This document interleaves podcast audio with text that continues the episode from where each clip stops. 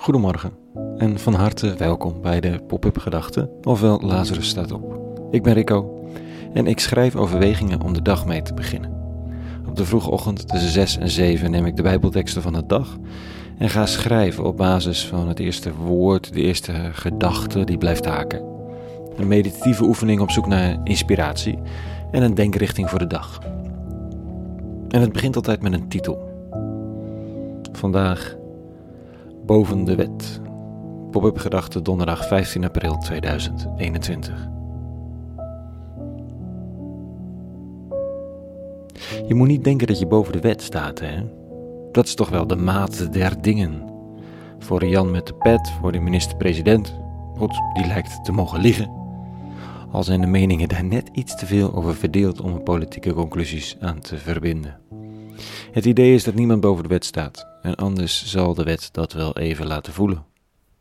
Dat vinden we zo tof aan vrouw justitie met het blinddoek. Zij zal het allemaal wel netjes even wegen en de consequenties aan verbinden zonder aanzien des persoons. Goed, behalve misschien in, in oorlogstijd, dan moet je de wet breken om een hogere wet te volgen, maar verder. Precies het probleem met de islam, zal een bepaalde groep zeggen. Die stellen hun wet boven de wet van het land. Zij erkennen de, recht, de rechtsstaat niet. Allereerst is het niet waar, want veel te generaliserend. Maar er is natuurlijk ook een kern van waarheid. Hoe kan iemand die gelooft dat een God de wereld gemaakt heeft en voorschriften heeft gegeven die over de eeuwen heen voor alle mensen gelden, nou gaan geloven dat een toevallige tijdelijke aan verandering onderhevige lokaal-nationale wet boven die eeuwige wet zou gaan? Dat kun je toch niet vragen? En ik beweer altijd dat dit dus ook voor christenen geldt dat zij zich ook nooit onvoorwaardelijk aan de nationale wet onderwerpen. Puur voor zover het binnen hun spiritualiteit past. Dat is natuurlijk super gevaarlijk, want je krijgt allemaal radicalisme en zo. En als je niet oppast, nou, je zou kunnen zeggen dat het eigenlijk nog meevalt met de bestuurbaarheid van een land waarin toch hele groepen geloven dat de rechtsstaat en de nationale wet niet het laatste woord hebben in de wereld. En hoe zit het dan eigenlijk met mensen die niet zeggen te geloven? Die kunnen zich niet beroepen op een geloof dat er bovenuit gaat.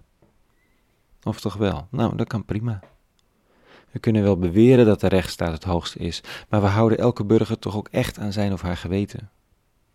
Het is in de huidige situatie misschien puur theoretisch, maar elk mens heeft een geweten waarmee hij of zij de wet of regelgeving in elke situatie beoordeelt.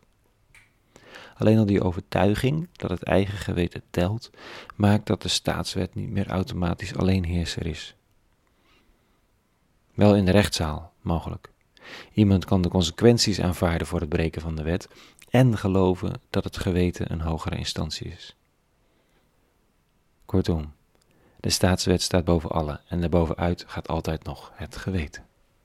In religieuze taal is dat geweten een samenweten met iets eeuwigs, iets bovennationaals, iets boventijdelijks.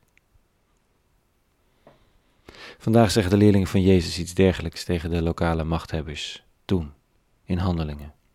In die dagen namen de dienaren van de bevelhebber de apostelen mee en brachten hen voor het Sanhedrin. De hoge priesters begonnen hen te ondervragen.